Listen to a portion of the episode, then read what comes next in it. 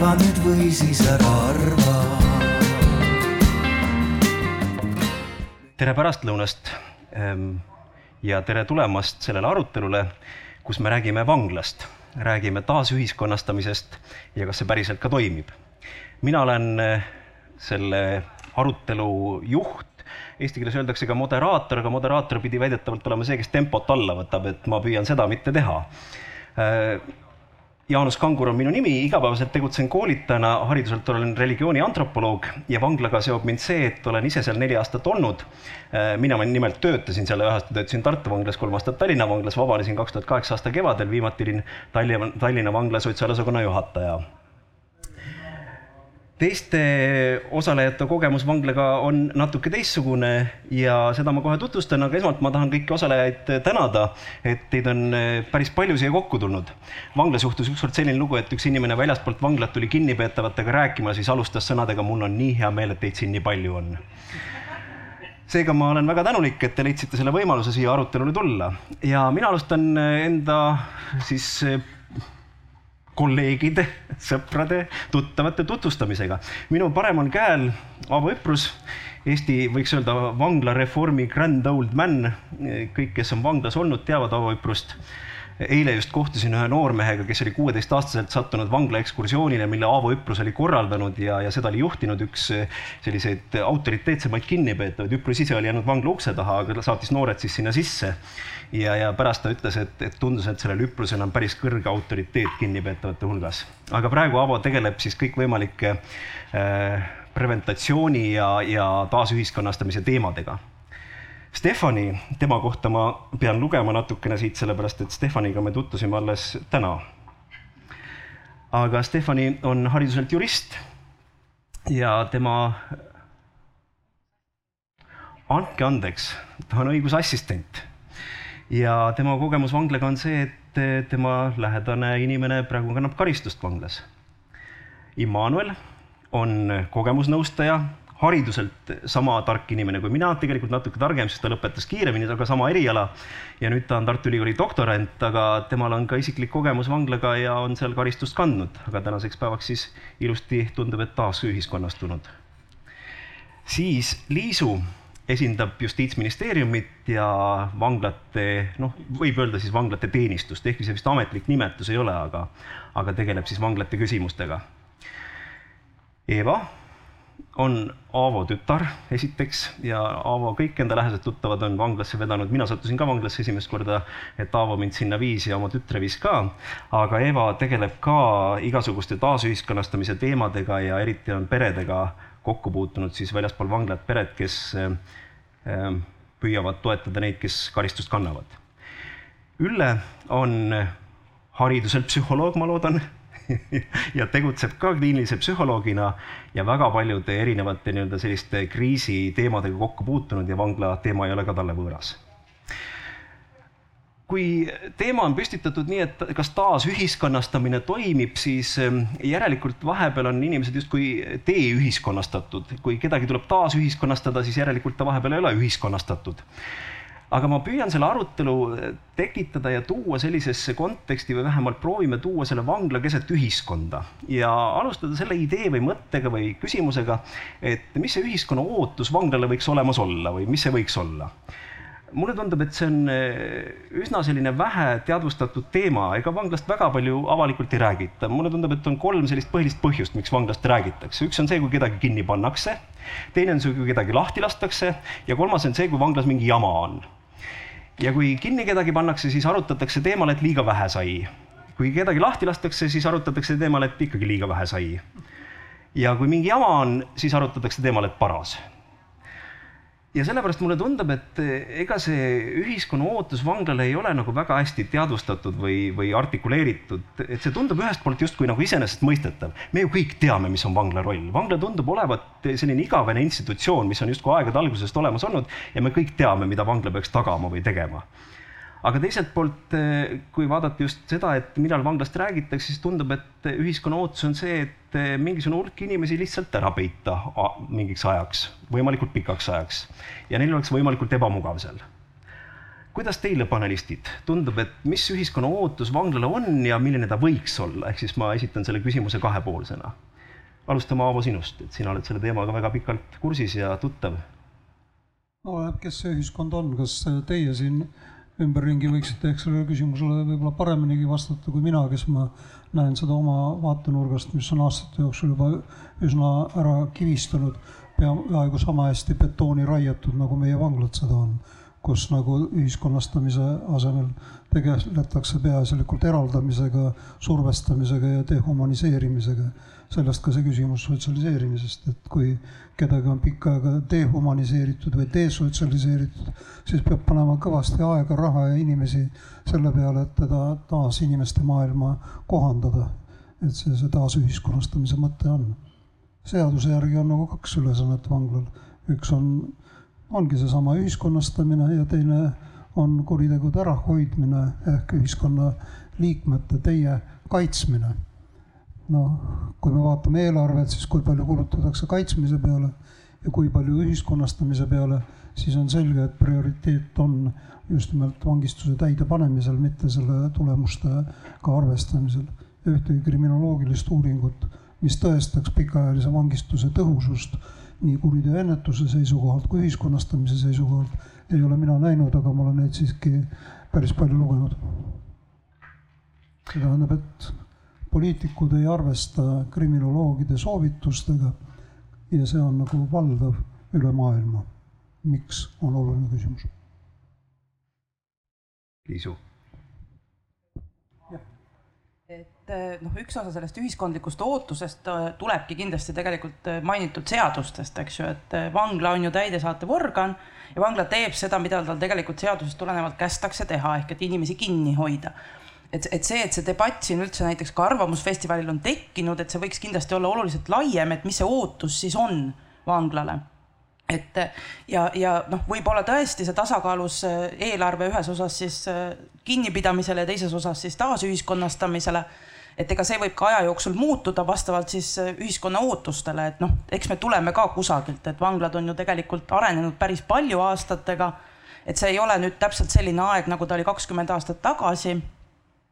Ja, ja koos selle ühiskondliku ootusega on noh, valmis vanglaga kindlasti muutuma aga, aga see ühiskondlik ootus saab kujuneda niisuguse debati käigus, et noh, nagu ka enne välja toodi, siis vanglatest räägitakse ainult kolmel juhul.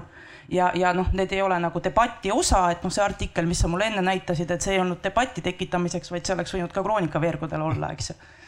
et juht saab näidata seda artiklit, mis enne paistis, eks ju et surmamõistetud, kunagised surmamõistetud jõuavad taas tänavatele sellises eluaegsete kinnipeetavate vabanemisest, et kuna üks pretsedent siis oli, et, et üks eluaegne eluaegset karistust kandev isik hakkas vabanema, siis ähm, oli äh, teema jälle päevakorras, ehk siis nagu ma ütlesin, et kui keegi hakkab vabanema, et siis on teema, millal me vanglast räägime.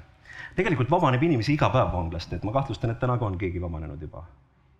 aga vabandust, kuhu nad peaksid siis jõudma? täna ei olnud oh,, täna ei olnud, täna on erand. Aga et äh,, vabandust. et kuhu nad siis teie arvates peaksid jõudma?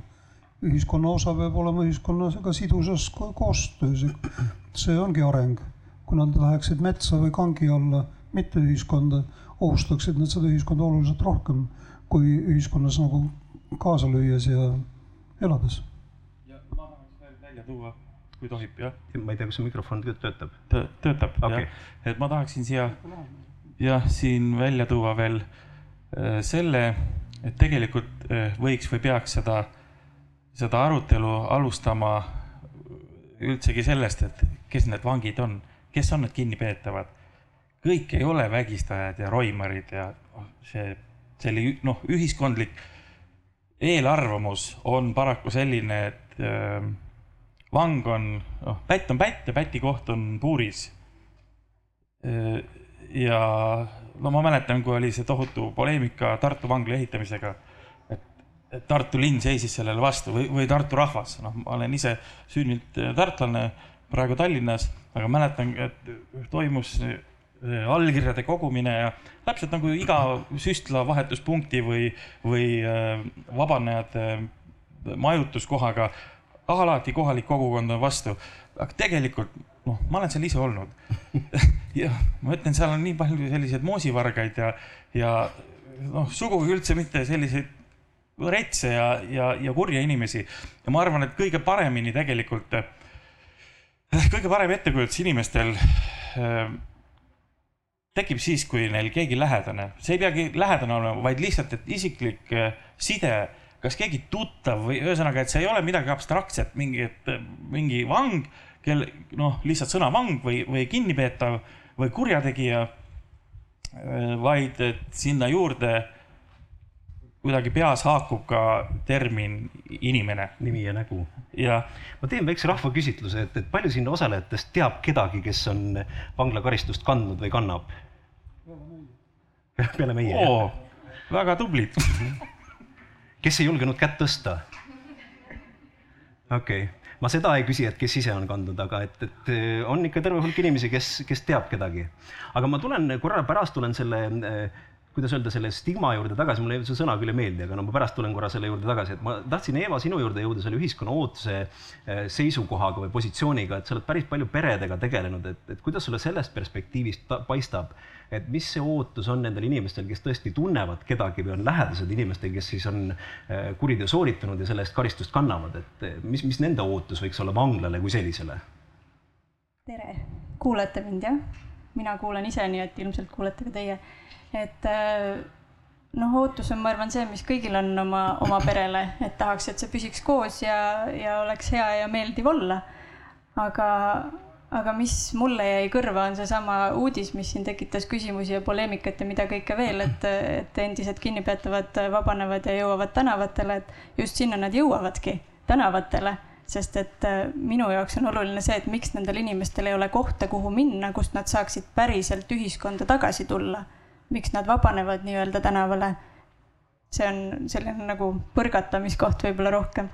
aga peredest rääkides loomulikult on, kui me mõtleme selle peale, et äh, mina ükskord olin näiteks äh, tugiisikuna läksin vanglasse ja oodates seal kedagi, kes mulle vastu tuleks, äh, nägin, et on üks perekond, kes ootas ka oma lühiajalist kokkusaamist, mille pikkus on siis mingi sihuke seitsekümmend viis minutit, eks ole, ja toimus läbi klaasi.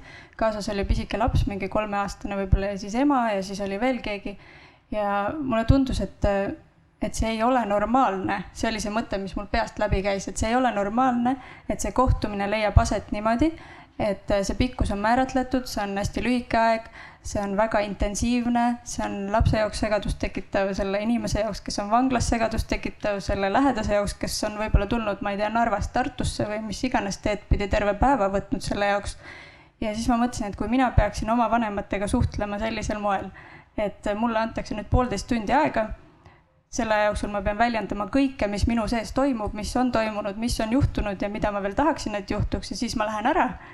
ja siis jään kõigi nende tunnete, mõtete ja kõige muuga ja siis see inimene, kes on vanglas, jääb samamoodi, et siis, siis minul just hakkas peas käima sihuke tunne, et et kuidas me saame oodata, et see peresuhe oleks, oleks normaalne suhe, kui me loome täiesti ebanormaalsed tingimused selleks lisan hästi lühidalt siia lihtsalt vahele, taas oma kogemusest.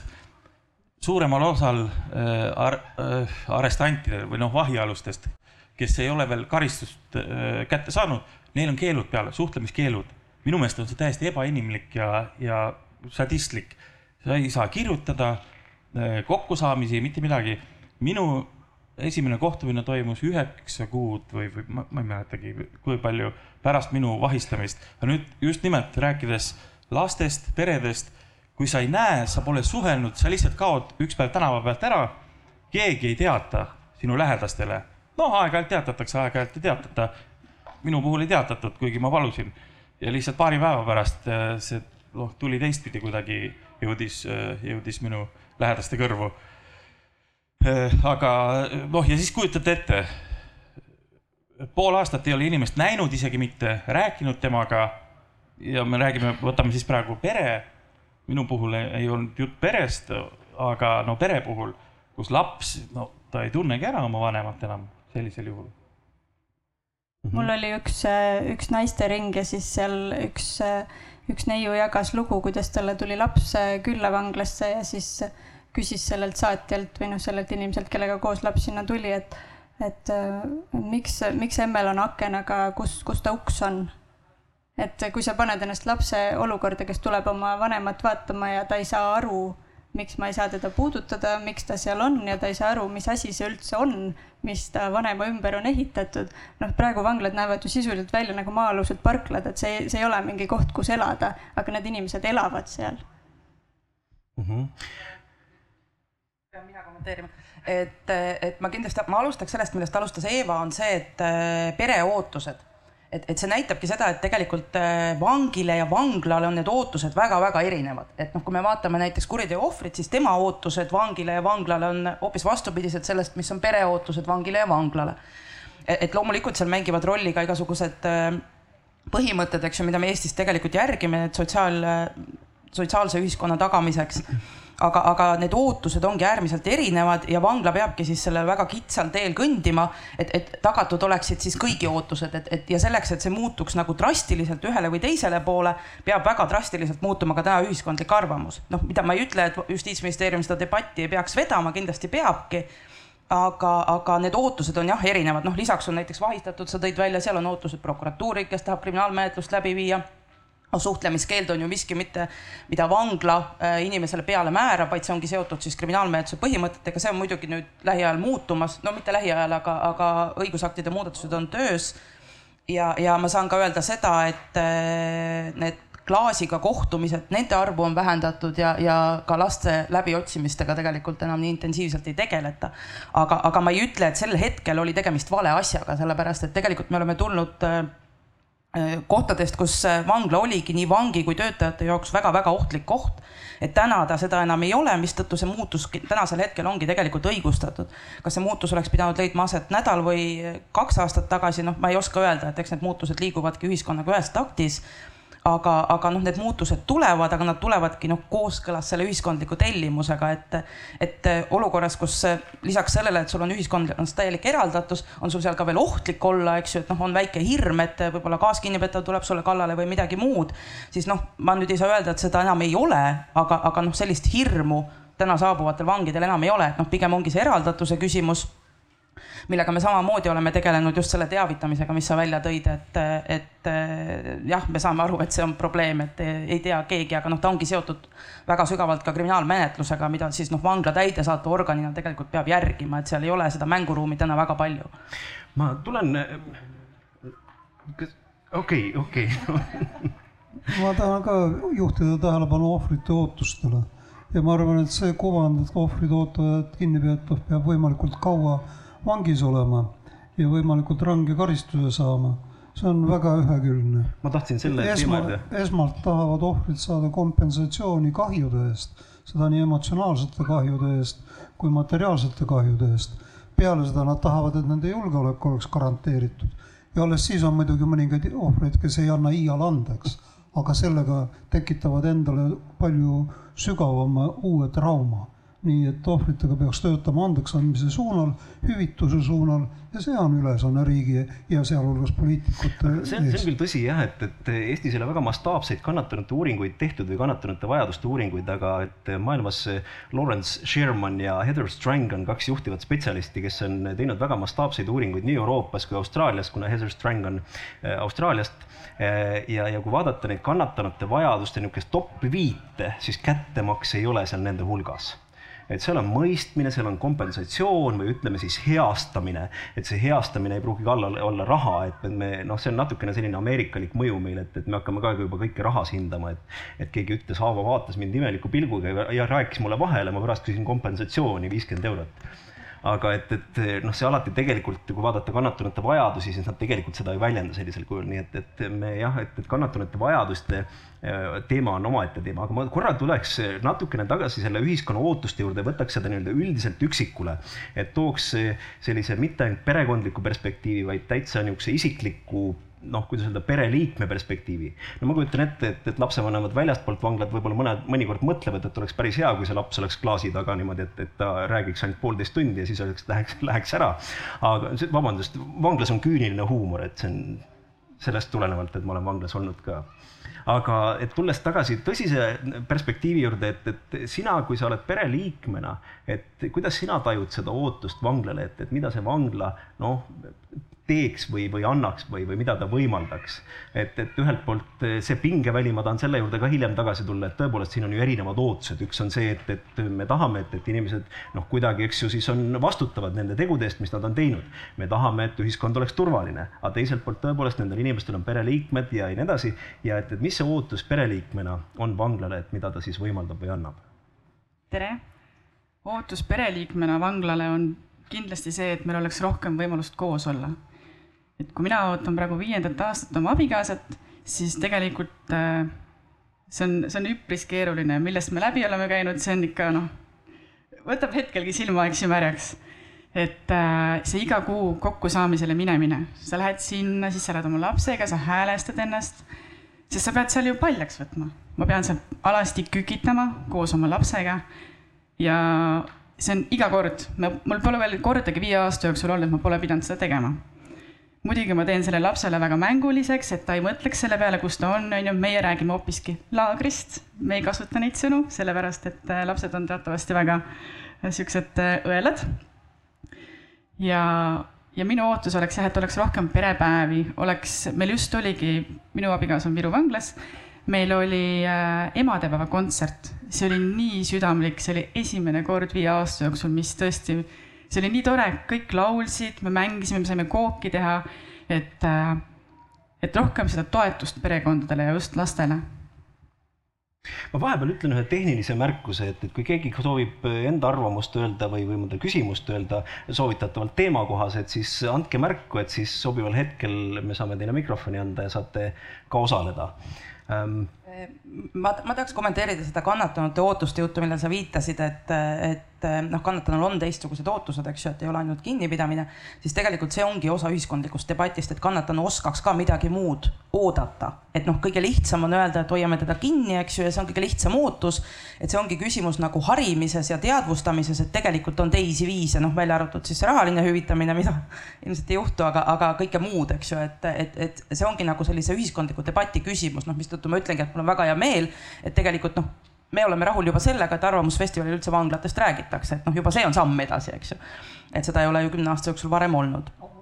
jah ahah, no meid ei ole varem kutsutud, et võib-olla jah, omavahel, mhm, jah siis selle, selle ma saan parandada, et mina ei teadnud seda, et on olnud, aga, aga noh, lihtsalt sellisel kujul ja just nimelt ka see ala, kus me oleme, ongi ühiskondlik kaasatus, noh, mis tähendab, et tegelikult eks me opereerimegi selles mõttes väga suuresti sellises ootuste virvarris, et mida tahetakse. Ja samamoodi noh, kannatanud võib-olla tõesti vajavad ka rohkem noh, mitte halvas mõttes harimist, aga teadvustamist, et millised nende võimalused võivad siis äh, olla nagu ühiskonnale või, või riigile, kes siis tegelikult selle kriminaalmenetlusega tegeleb tõenäoliselt üks selliseid mastaapsemaid ja noh, nii-öelda epohhi loonumaid eh, vanglateemalisi nii-öelda filosoofilisi tekste on eh, Michel Foucault Valvata ja karistada. ja tema kirjeldab vangla ajaloost, vangla tegelikult karistusasutusena ei ole väga pika ajalooga, et vangla on küll olemas olnud, aga siis pigem nii-öelda eh, noh, karistuseelse asutusena, noh juba piiblis on kirjas vanglatest, kus inimesed pandi vangi, aga nad siis ootasid karistamist, et oli see siis mõne kehaosa amputeerimine või eksiili saatmine või hukkamine või, või muu selline piitsutamine kirjutamine ja, ja see on omamoodi huvitav, Foucault siin kirjeldab, et, et vangla sünni sellisteks mootoriteks olid tänases mõttes liberaalid, et kui me täna arvame, et, et konservatiivid on need, kes hirmsasti vanglakaristust tahavad, siis tegelikult vangla leiutasid nii-öelda liberaalid hoopis. aga üks asi, mida Foucault siin kirjutab, on see, et, et ta ütleb, et vangla sündis kohe ebaõnnestununa, ehk siis, et vangla sündis sellisena, et ta vajas kohe reformimist, et vanglas pole kunagi olnud sellist hetke, kui vangla oleks nii-öelda valmis olnud, et, et oleks nagu vangla kuldaeg olnud. ja mulle tundub, et üks asi, mis vangla sellist problemaatikat tekitab, on meie nägemus või ettekujutus, et, et kuritegu on alati puhtalt nii-öelda rangelt individuaalne valik täna me näiteks noh, ütleme väljaspool vanglat, noh näiteks alkoholi tarbimist me ei pea individuaalseks valikuks. et kui arvame, et ühiskonnas tarbitakse liiga palju alkoholi, mis me teeme, keelame reklaamid ära, et nad ei näeks reklaami, ehk siis reklaami tegija vastutab, mitte see, kes joob, ei vastuta. et reklaami tegija vastutab. noh, mitte nüüd täielikult loomulikult, et see ei ole päris mustvalge. aga kuritegude puhul me ikkagi eeldame, et see on puhtalt individuaalne vastutus. ja mulle tundub, et selle tõttu ka see rehabilitatsioon ei pruugi alati täielikult õnnestuda, sellepärast et rehabilitatsioon tegeleb just küll selle isiku nii-öelda ümberkasvatamise. noh, vanasti räägiti meele parandamisest, aga täna räägime siis ümberkasvatamisest. et Ülle, kuidas sulle tundub, et, et kas noh, kuriteost nii-öelda, kuidas öelda siis, taastumine kõlab valesti, aga ütleme, et, et inimene, kes on kuriteo sooritanud, tema ühiskonda tagasi tulemine on puhtalt tema individuaalne valik või on ta rohkem ühiskondlik äh, tegurite noh, nii-öelda kaasmõjust sündiv äh, õnnestumine või, või kuidas sulle tundub, et see balanss seal on?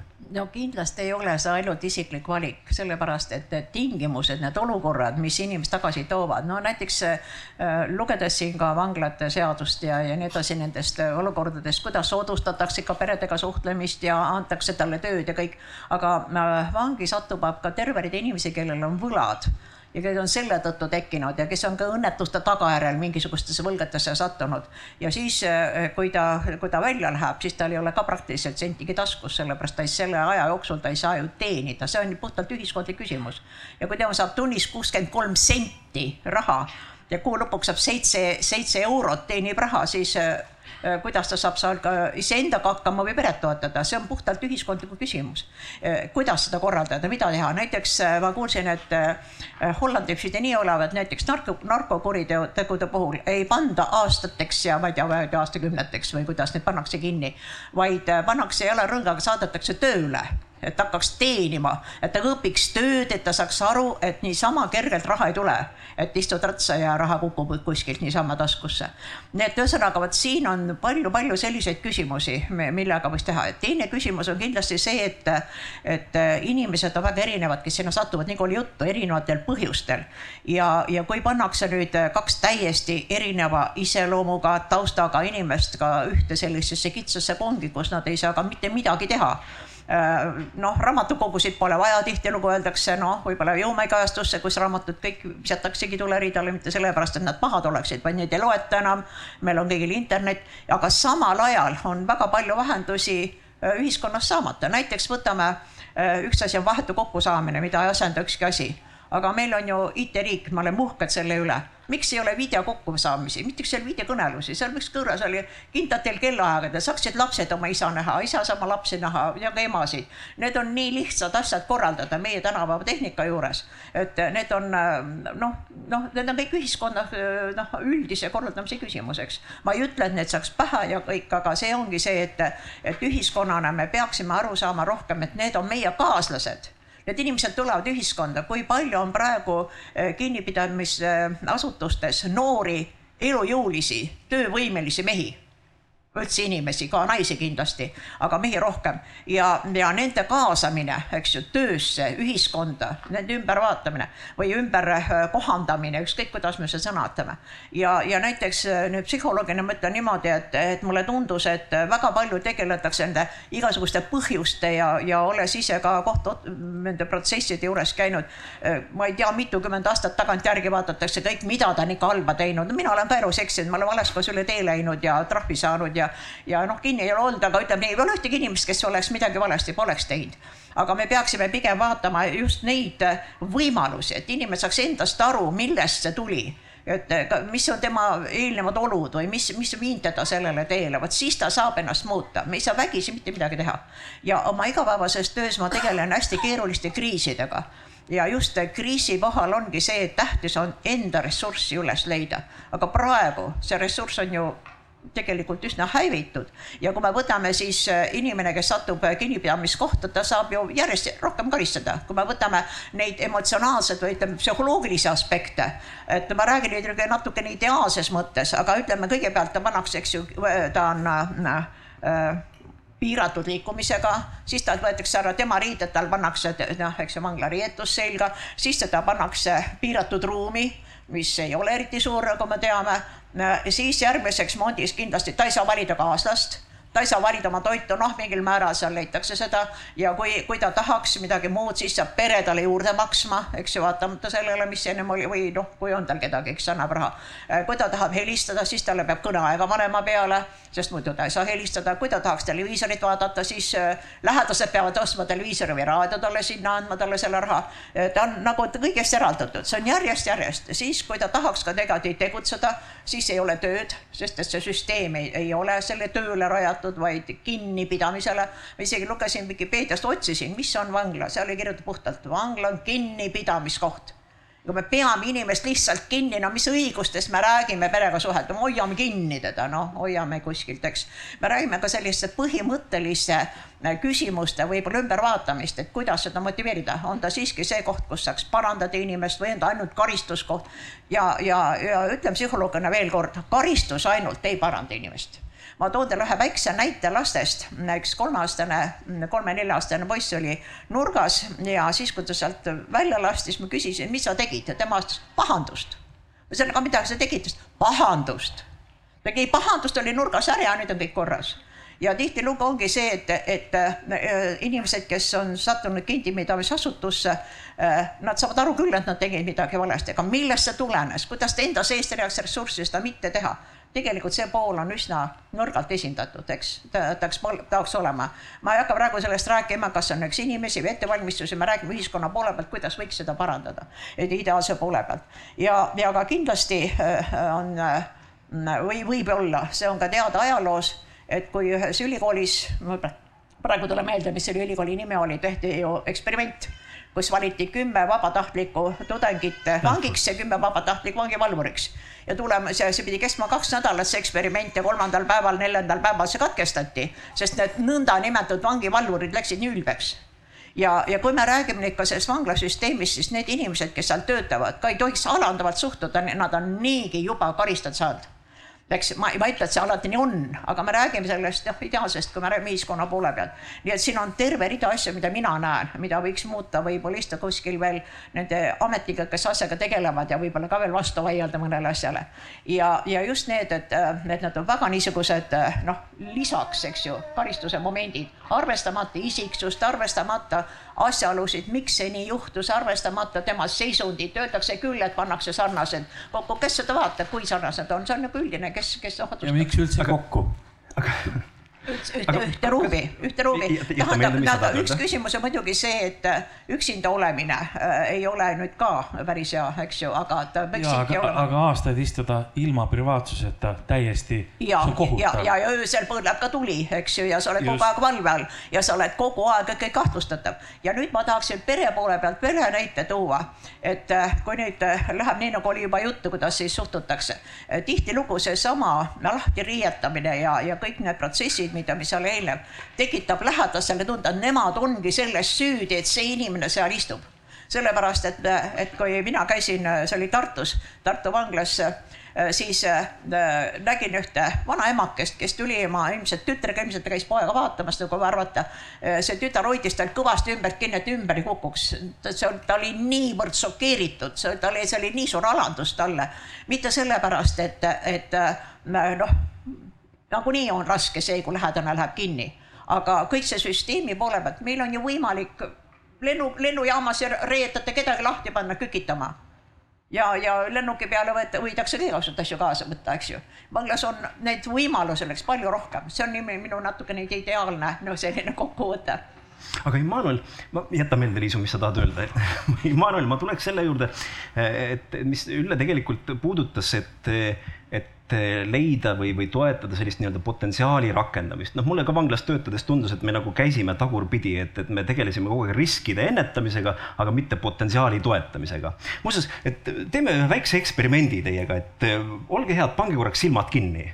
mõnel niikuinii olid juba tavaliselt need teevad selle peale lahti, kui ma ütlen, et pange silmad kinni, aga pange korraks silmad kinni. ja järgmise mõnekümne sekundi jooksul võite mõelda ükskõik millest tahate, ainult ärge mõelge suurest roosast elevandist ükskõik millest tahate, aga ärge mõelge suurest roosast elevandist. kõigest muust võite mõelda, välja arvatud suur roosa elevant. ei mõtle suurest roosast elevandist. ükskõik millest muust, välja arvatud suur roosa elevant. okei okay,, võite silmad lahti teha, kuidas läks? ainult loomad reageerivad et kuidas läks? tuli kellelgi silma, teete roosa elevant? Mm. -hmm.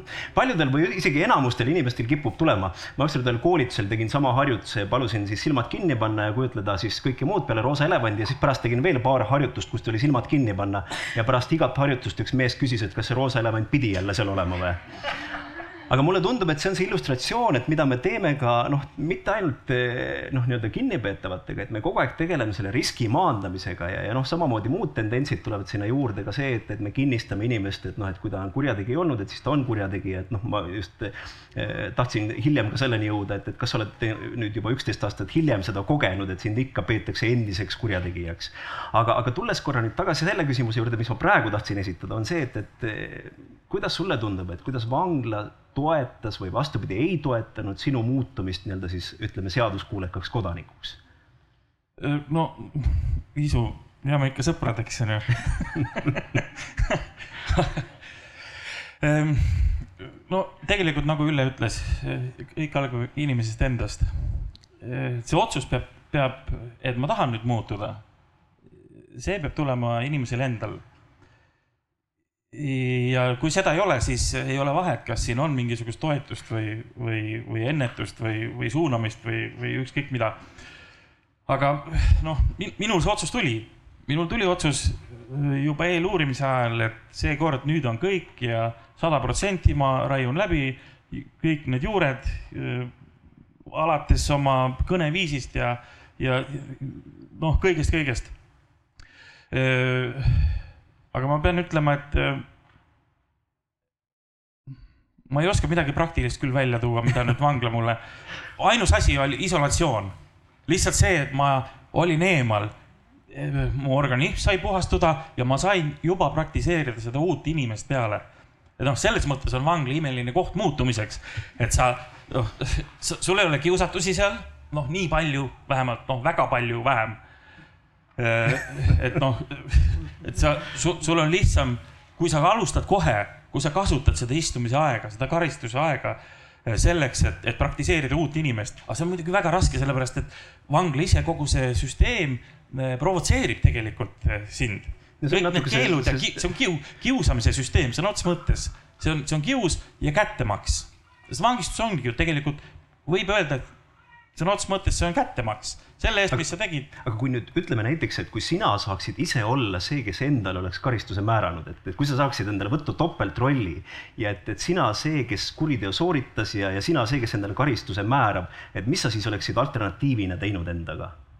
ma olen sellele. mis oleks viinud samale tulemusele, et, et oleksid jõudnud kas kiiremini või paremini selleni? ma olen, ma olen seda niimoodi mõelnud, et äh, tänan Jumalat, et ma vangi sattusin aga kui ma peaksin uuesti seda läbi tegema, ma iial ei tahaks noh, selles mõttes peabki see olema kellegi teise otsus. sellepärast, et ma olin sõltlane tol hetkel ja ma ei oleks sellest välja tulnud, kui ma poleks eh, noh, vahele jäänud ja, ja, ja vangla läinud. selles mõttes võib öelda, et vangla tuli mulle kasuks, et noh, lihtsalt see isolatsioon kui selline, aga taasühiskonnastamisel ma tegin ikkagi selle töö ise. noh, mina mõtlesin ümber oma mõtted vangla ei sundinud mind selle, vangla tekitas minus meeleheite ja see andis tõuke. Eh, noh, ka vastikuse iseenda suhtes, ma olen teist korda siin, ma ei tea, palju ma saan. Eh, ma arvasin, et viis kuni kaheksa aastat, see oli üsna reaalne. ja teate, see on kohutav, olles enne juba korra istunud poolteist aastat, mis oli minu jaoks üüratult pikk aeg, kuigi vanad vangid ütlesid, et sa oled turist noh, ja sa, ma tunnen inimesi, kes on üle neljakümne aasta istunud üle poole oma elust. nii vana, kui mina olen, no ma olen üle natukene, aga aga, aga, aga no ma ütlen, et, et no näiteks suitsetamise mahajätmine äh, tänu vanglale ja tänu sellele, et keelati sees suitsetamine ära ja kuna ma tahtsin ennetähtaegselt kindlasti välja saada ilma rikkumisteta, siis äh, siis see oli üks põhjustest, miks ma, miks ma ei hakanud seda sala ikkagi sees suitsetama. keegi tahab suitsetamise maha jätta, siis. jah, aga nüüd on see, et see oli selline peale surutud, ähm, noh, ühtäkki öeldi, et nii tänasest või sellest kuupäevast enam. Äh, noh, enne muidugi oli, olid mingisugused propaganda flaierid, et, et, et see kuupäev tuleb, mil me keelame ära sees suitsetamise. Äh, nii, ja siis ma ja, ja lubati, et antakse plaastreid aga selleks ajaks, kui mina otsustasin, noh, see oli nädal pärast keeldu või niimoodi, siis öeldi, et plaastrid on juba otsas noh, ehk siis tegelikult see lubadus, et me aitame teil äh, võõrutus, noh, võõrutada, äh, no seda, sellest lubadusest ei peetud kinni. noh, mõned said plaastrid ja siis, kui need plaastrid otsa said, väga paljud hakkasid uuesti suitsetama. aga ma omast jõust siis ikkagi jätsin maha aga sa ütlesid enne, et, et seal on palju selliseid moosivargaid, aga mitte kõik sada protsenti ei ole päris moosivargad. ei, kaugel sellest. et eh, seal on ka inimesi, kes on ikkagi väga tõsiseid eh, ja, ja raskeid tegusid toime pannud, et. ja kes on arvestanud oma ellu juba sisse selle valemi, oma elu valemisse, tähendab selle võrrandi sisse, et aeg-ajalt tuleb käia vanglas. ja ma ütlen, noh, see on see retsidiivsus, eks ole mm. -hmm aga, aga jah, ma vist segasin vahele su küsimuse. ei, ei, ma, ei ära muretse, ma ei esita rahalisi nõudeid pärast, et aga ma tahtsin tulla, Aavo, sinu juurde, et, et ma, ma, ma, ma annan tunnet. ikkagi võtaks ka nüüd vahepeal sõna selles mõttes, et, et nüüd on vanglast nagu niimoodi kolmandas isikus hästi palju siin räägitud, eks ju, et, et ma tahan kindlasti ära parandada selle, et vangivalvurid ei ole mingisugused retsidivistid mingisuguse uuringu järgi selles mõttes, et kõik meie vanglateenistus on väga hästi koolitatud, nad teavad, mida tohib, mida ei tohi ja, ja vangla eesmärk ei ole kindlasti kuidagi kellelegi nagu kedagi piinata, eks ju, et noh, ma saan aru, tunnetuslikult võib see tunne alati tekkida, sellepärast et noh, on ju ebamugav aga, aga noh, nagu sina ka kirjeldasid, eks ju, et noh, tegelikult see ebamugavus mingil määral tõukas sind muutuma, et loomulikult ma olen nõus, et sellel muutuse juures peab olema ka tugi, et noh, see muudatus peab tulema inimeselt endalt, eks ju, ja vangla peab seda kindlasti toetama. Aga, aga noh, sellist nagu näljas hoidmist ja, ja, ja kuidagi nagu niimoodi retsidivismina käitumist, sihukest asja vanglas ei ole. et noh, toitu pakutakse tegelikult piisavalt ja, ja see, et inimene peab kõike noh, jah, selles mõttes ta ongi subjektiivne, ma saan aru, eks ju, aga noh, objektiivselt võttes on ta tegelikult äh, täiesti piisav. Ja, ja see, et inimene peab endale nagu täiendavaid lisasid ise ostma, see on ka tavaühiskonnaga üsna sarnane lahendus. et noh, me võime muidugi alati mõelda, et kui me tõstame näiteks vangi tehtava töö eest saadavat palka või, või pakume talle näiteks vanglapoest mingisugust tasuta valikut, siis see näiteks vähendab retsidiivsust, aga noh, tegelikult me ju ei tea, et noh, põhiasi on ikkagi see, et me peaksime toetama rohkem, noh, veel rohkem, kui seda täna tehakse, sellist isiklikku valikut, kui inimene soovib muutuda. Et, et võib-olla tõesti me seda täna piisavalt ei tee.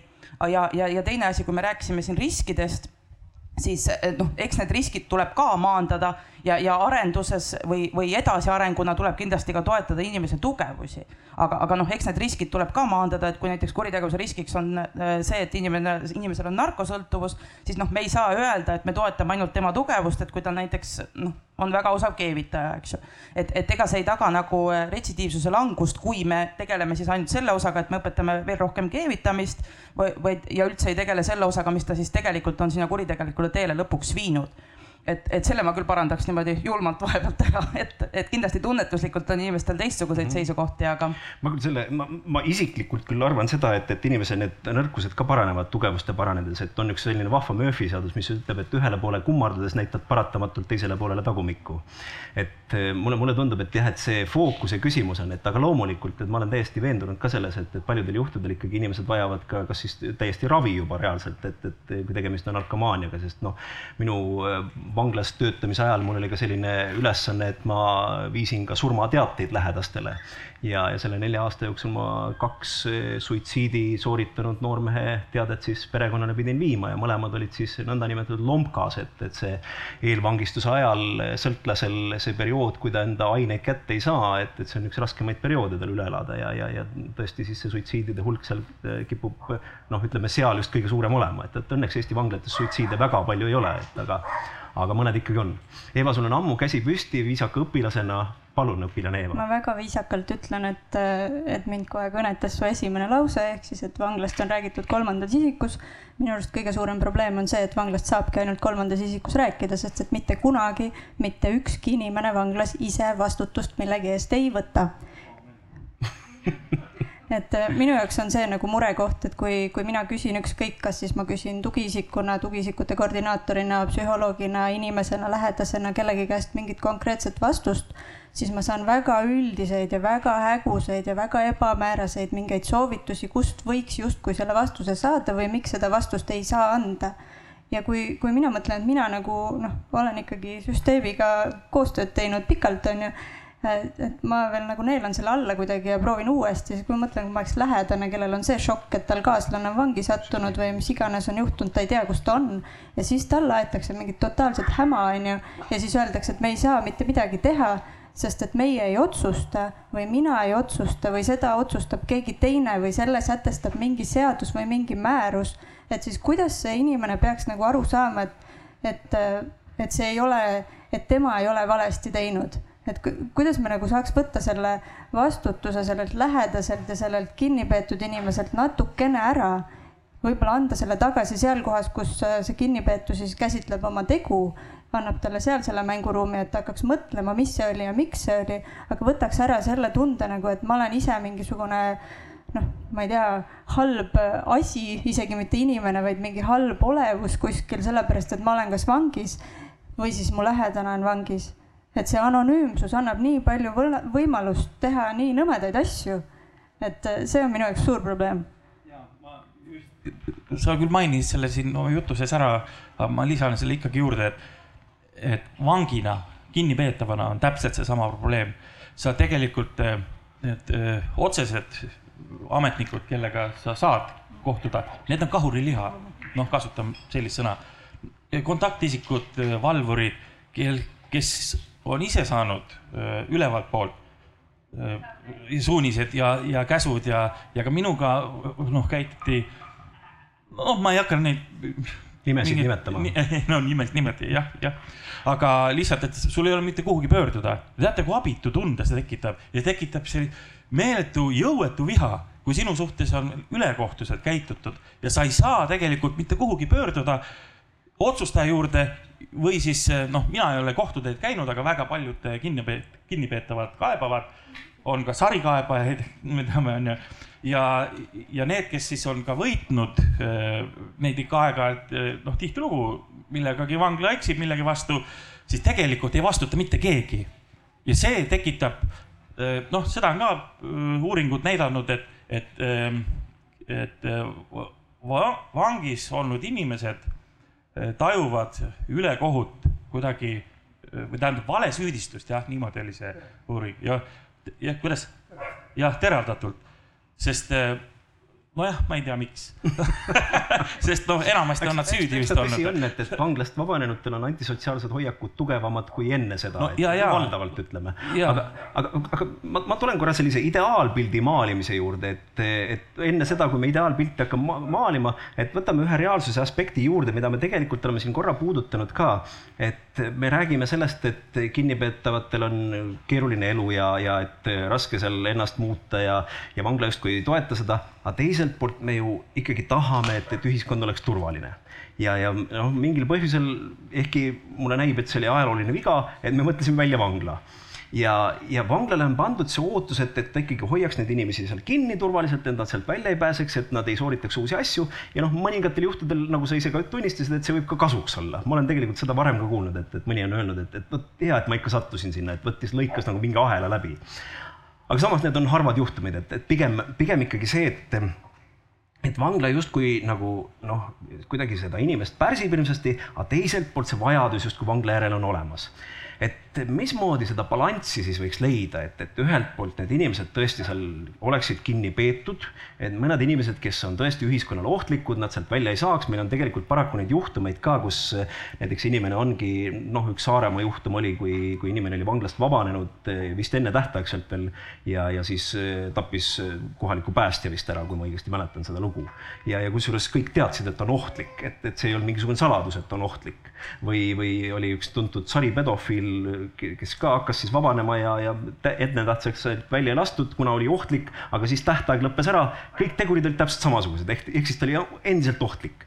ehk siis, et, et kuidas me nüüd saame selle balansi, et ühelt poolt tõesti oleks keskkond, mis toetaks inimese sellist positiivset arengut aitaks säilitada peresuhteid, sest peresuhted ei ole ainult kinnipeetava õigus, tegelikult noh, näiteks laste puhul ennekõike me räägime laste õigusest, et lapsel on õigus enda vanemale. ja, ja teiselt poolt on siis see kinnipidamise pool, et, et kuidas sulle näib, Stefani, et, et kuidas sina seda näed, et, et noh, kui sul on lähedane inimene, eks ju, kannab vanglas karistust, et kuidas sa näed, et, et see balanss võiks olla selle vahel hmm.? ühtepidi ma ju saan aru, miks mu abikaasa seal on okei okay. aga kindlasti tuleks üle vaadata minu meelest karistusmäärad. et äh, minu abikaasa on seal kaksteist aastat, viies aasta jookseb äh,. minu arvates ta ei saanud õiglaselt karistada, et, äh, et vähe sai. mida vähe sai, palju sai okay.. et äh, kas me saaksime küsimuse uuesti korda et ma, ma, ma tahtsin sinu perspektiivi sellele nii-öelda balansile just, et, et ühelt poolt nagu sa ütled, et, et sa saad väga hästi aru, et, et tegemist on ikkagi, eks ju, seadusvastase teoga, mille eest ta seal on, et ta ei ole lihtsalt seal niisama.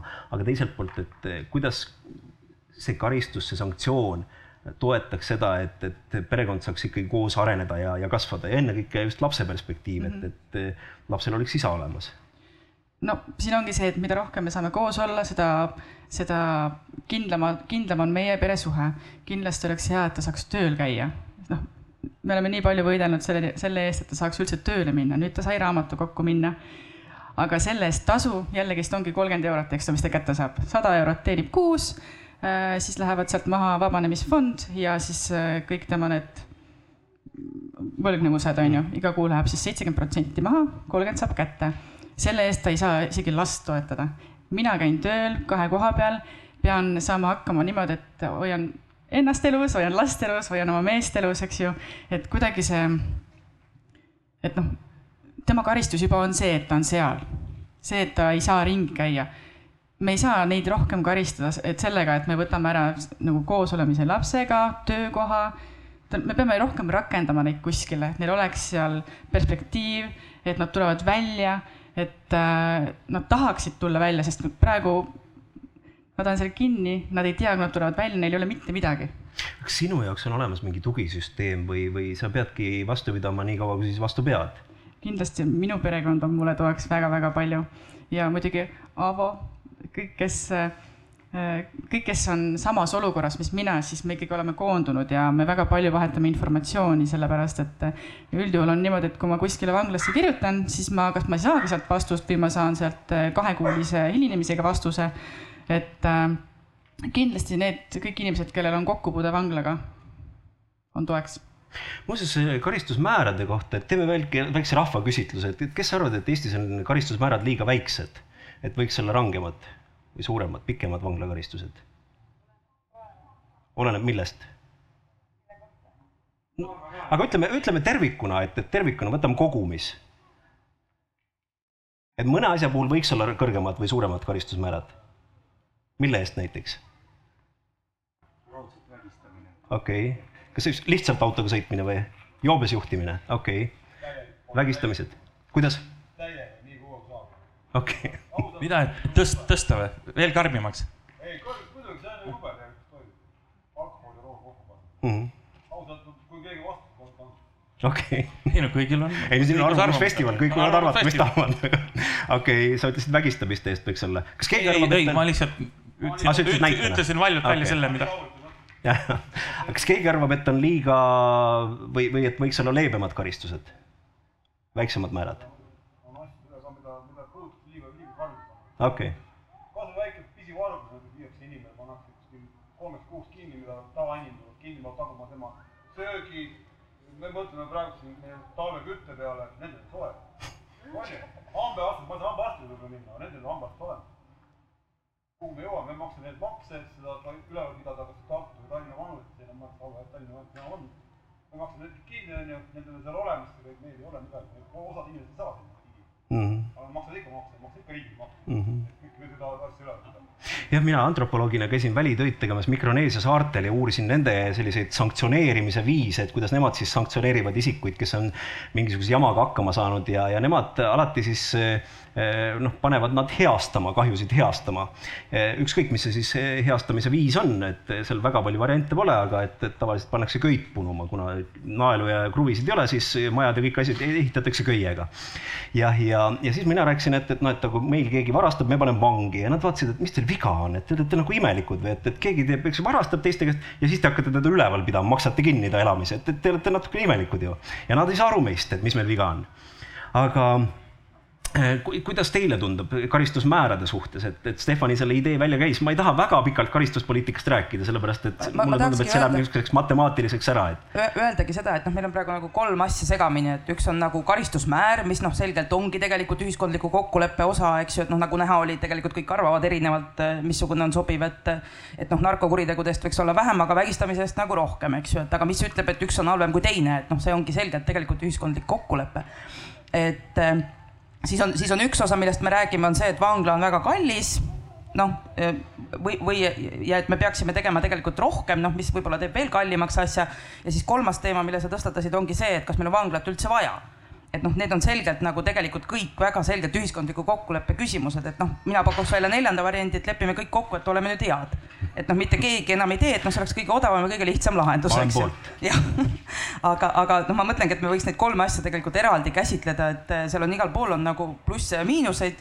et üks asi ongi see, et kas see vangla täna, nii nagu ta on, jääb ja, ja, ja eeldab siis, et noh, me panustame näiteks kuidagi tõstame selle eelarve teistpidi, et me ei panusta enam nii palju turvalisusele, küll aga hakkame rohkem panustama taasühiskonnastamisel. muidugi noh, kindlasti on asju, mida me saame teha ka sama eelarve raames, ma ei ütle, et no mitte midagi kunagi ei saa paremaks teha. see faasinihe on muidugi noh, üsna drastiline on, teha, sellepärast et, et kui vaadata vanglareformi seal ütleme aastast kaks tuhat kaks kuni tänaseni umbes, et, et kui noh, suur osa sellest vanglareformist oli siis vanade vanglate likvideerimine, uute ehitamine, et siis see äh, proportsioon on läinud nagu selles suunas, et, et Tartu vangla, mis esimesena valmis sai, no on üsna niisugune inimlik veel, et, et kinnipeetavad saavad vahepeal toast välja, eks ju, näevad muru isegi ja ja näevad seal vaba õhku ja siis Tallinna vangla on ikka tõesti, nagu sa ütlesid, et nagu maailmane parkla, et et ta on ikkagi väga selline ühelt poolt eh, ilmselt halva psühholoogilise mõjuga. ma hiljuti just vestlesin eh, Viljan Künnapuga, arhitektiga, kes eh, ka on vanglas vabatahtlikuna käinud, vabatahtlikuna rõhutan, mitte siis kinnipeetavana olnud Tallinna vanglas kunagi tegi ja seal erinevaid asju kinnipeetavatele ja ja temaga rääkisime sellisest hoonete mõjust ja hoonel on ilmselgelt psühholoogiline mõju olemas. aga teine asi on ka selline sümboolne mõju ja noh, Tallinna vangla on ikkagi selge selline võimutempel niimoodi, et, et mis noh, lüüakse põhimõtteliselt otsa ette.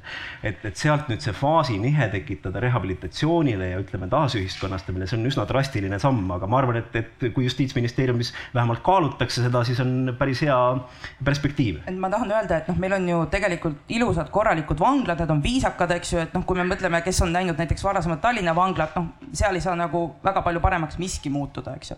et, et see, kas nad on nagu betoonehitised, jah, seal on erinevaid seisukohti, et ta on tõesti niisugune nagu suur hunnik betooni, aga, aga noh, tänu sellele suurele hunnikule betoonile me jõuame ilmselt lähiajal sinna, et iga vang saab ööbida üksinda oma kambris, ei teki küsimus sellest, no ilmselt lähiajal vangide arv peab natuke veel vähenema, aga, aga see on ju tegelikult kaugem kriminaalpoliitiline eesmärk väga pikalt olnud. ei no ma tean, algselt ju Tartu vangla ehitati. jah, et see ongi see mõte mõte olnud, eks ju, et mitte, et hoida vangi üksikvangistuses, aga et tagada igalühel võimalus siis üksinda magada ja, ja olla siis omaette, aga päeval oleks siis tegevusi rohkem, et, et noh, ma räägin, need muudatused tegelikult ei ole nii suured et neid on võimalik tegelikult teha ja, ja noh, ega iga päev üha rohkem ka teeme, mida rohkem siis seda tahetakse ja, ja, ja noh, eks me saame ka mingeid asju teha nii-öelda oma pädevuse piires praegu. ma annan korraks auditooriumisse sõna äh,. aitäh, kõigepealt tervitan tuttavaid nägusid ähm,. tahtsin lihtsalt potentsiaalse lahendusena no, siia välja visata sellise mõtte, et kas me näiteks ei saaks ära kasutada rohkem avavanglat. et noh, täna meil seis on ju see, et me noh, näiteks viskame ka otse kartserikaristust kandvad inimesed tänavale, kui kell tiksub, ükskõik kui ohtlik sa oled, viskame tänavale, rohkem meid ei huvita. või inimesed, kes on, istuvad kakskümmend aastat, need on kakskümmend aastat täiesti ühiskonnast eraldatud. kell tiksub, me viskame teisele poole väravat ja meid tegelikult üldse meid ei huvita, kas ja mis neist edasi saab. et kas see avavangla suurem kasutus võiks äkki anda meile nagu ka, mitu kärbest ühe hoobiga, et ühelt poolt me saaksime äh, tegeleda natuke paremini äh, taasühiskonnastamisega, äh, pehmendada seda vahet, et kas oled sees või väljas me annakasime nendele motiveeritumatele inimestele võimaluse töötada, peresid toetada kogeda ühiskonda ja samal ajal see annaks meile võimaluse need, vot need kõige ohtlikumad ikkagi hoida eemal. aitäh. tead, see kõik on nii õige, mis sa praegu ütlesid, ma, ma lihtsalt tean, see on lihtsalt no, no nii õige, et. ja, ja, ja, ja selles mõttes minul ei ole ka mitte midagi, Dagmar, oih, sa otsid nime, et äh, vastu vaielda selles mõttes, et ma olen äh, täiesti nõus sellega, aga, aga noh nagu ka tegelikult see arutelu on siin kogu aeg käinud, eks ju, et avavanglasse me ei tohi panna kindlasti vägistajaid, avavanglasse me ei tohi panna kindlasti raskeid kurjategijaid, et, et on mingi teatav hulk vange, keda me kindlasti peame avavanglasse panema. ma olen täiesti nõus sellega, aga kuidas see vahet teha, eks ju, et see ongi jälle küsimus ühiskondlikust ootusest ja otsusest, et kes on need, kes hakkavad meil avavanglasse jõudma. noh, sest et avavangla kohtade arv noh, täna on täis, aga seal on võimalik seda kindlasti suurendada, eks ju, kui selline soov on. et noh, seal ongi küsimus jälle selles debatis, milleni me peame ükskord jõudma, et kes on siis need kellel on õigus minna avavanglasse ja kes on siis need, kes tegelikult ikkagi, sest et noh, meil ei ole eluaegset vangistust, vabanevad otse vanglast tänavale, olenemata sellest, et nad on väga ohtlikud tegelikult. et, et noh, see ongi niisugune mit, mitme otsa kast-. okei okay,, et ma annan nüüd järgemööda sõnas, et muidu te lõhute mikrofonid ära juba, et, et närviliselt kraavite mikrofone, et ma annan kõigepealt Eeva, siis Ülle ja siis äh, Aavo. Äh, mina tahtsin öelda, et ma olen sada protsenti nõus ja ma isegi olen üllatunud, et meil avavanglad on täis, sest minu teada nad ei ole kunagi täis olnud, sest et sinna on nii raske saada. aga sealt on väga kerge tagasi kukkuda kinnisesse vanglasse et äh, see on täiesti kasutamata ressurss ja jumala eest, kui taheti ehitada selline suurepärane asi, nagu see Tallinna vangla on, on ju, mille ülalpidamine maksab, ma isegi ei taha teada, kui palju ja selle raha saaks suunata, ma ei tea, tee mingi kakskümmend viis väikest normaalset äh, vanglat või maja või kuidas iganes neid nimetada ja panna sinna inimesed tööle, siis see, ma arvan, viiks meid lahendusele lähemale aga kui kasutada seda suurt äh, hoonete kompleksi avavanglana, lasta nendel inimestel katsetada, kas nad on võimelised ise vaatama, kas nad jõuavad õigeks ajaks tagasi vanglasse ja kas nad suudavad reguleerida oma ööpäevarütme natukenegi, et ma, tean, et meil oli üks eluaegne härrasmees, kes käib äh, avavanglast nüüd väljas ja tema ükskord, äh, ma ei mäleta, kas tellis takso ja takso ei tulnud õigeks ajaks ja ta jooksis vist kümme kilomeetrit tagasi vanglasse, et mitte hilineda et noh, saate aru nagu millest me räägime, et see on nagu praktiliselt elu ja surma küsimus ja selliseid asju juhtub ju kõigil, et takso ei tule või buss ei tule või mida iganes. et me paneme nagu mingi kohutava surve nendele inimestele, kes niigi on hapramad, kes tõenäoliselt tulevad juba, juba sellistest peredest, kus ei ole võib-olla kõige paremaid äh, reegleid paigas olnud ja ei suuda neid rakendada. Ja siis paneme nad mööda seda nööri käima ja justkui arvame, et midagi ei saa ju juhtuda, et küllap nad saavad hakkama, ei saa, kindlasti ei saa et kui me vaatame vaimse tervise uuringut, mis paar aastat tagasi läbi viisime ja ma arvan, et kui seda nüüd praegu uuesti teha, siis tulemused oleks veel hullemad. selle järgi on seal mingisugune ligi viiekümnel protsendil vanglas diagnoositud mingisugune raskem häire ja nendele lisaks veel umbes kahekümne viiel eelnevalt diagnoositud, siis me mõtleme nagu, kellega me üldse töötame ja mis tööd me teeme. et kas me teeme tööd või me tagame julgeolekut et muidugi ma võin kellegi panna kasti ja noh, sellel ajal ta ei tee midagi halba, aga kui sa teed kastist välja võtad, siis sada protsenti tuleb mingi jamps, no okei okay,, mitte sada, vaid üheksakümmend kaks. koma kolm. jah üle, ma, ma teen nüüd sulle natuke olukorra keerulisemaks, ma esitan sulle lisaküsimuse juurde, et sellele, mis sa tahtsid lisaks öelda, just võttes kinni sellest, mis Eeva ütles, et, et paljudel isikutel, kes kuritegusid sooritavad, on mingisugused häired, mida siis tänapäeval diagnoositakse, mida võib-olla tõesti noh, siin veel aastakümneid tagasi ei diagnoositud. Ehm, et kas mingi hulk inimesi tegelikult peaks vangla asemel hoopis ravil olema ja, ja see on nüüd teistpidi selline huvitav tendents, mis tervikuna mulle tundub, et me liigume natukene sellisest kriminaliseerimisest medikaliseerimise poole ja vaadates näiteks seda, et, et kui võrreldes Eestis ja Soomes palju on sundravile saadetud isikuid, ehk siis, et kes on kuriteo sooritanud ja selle eest pärast saadetakse sundravile, siis Eestis on neid kolm korda rohkem kui Soomes, mis, mis justkui viitaks sellele, et, et eestlased on noh, kolm korda natukene vaimselt ebatervemad kui soomlased, mis tõenäoliselt tõsi ei ole. et kartus on, et siin süsteemiga manipuleeritakse manipuleeritakse, sellepärast et Eestis vabanetakse sundravilt märkimisväärselt kiiremini kui, kui Soomes näiteks.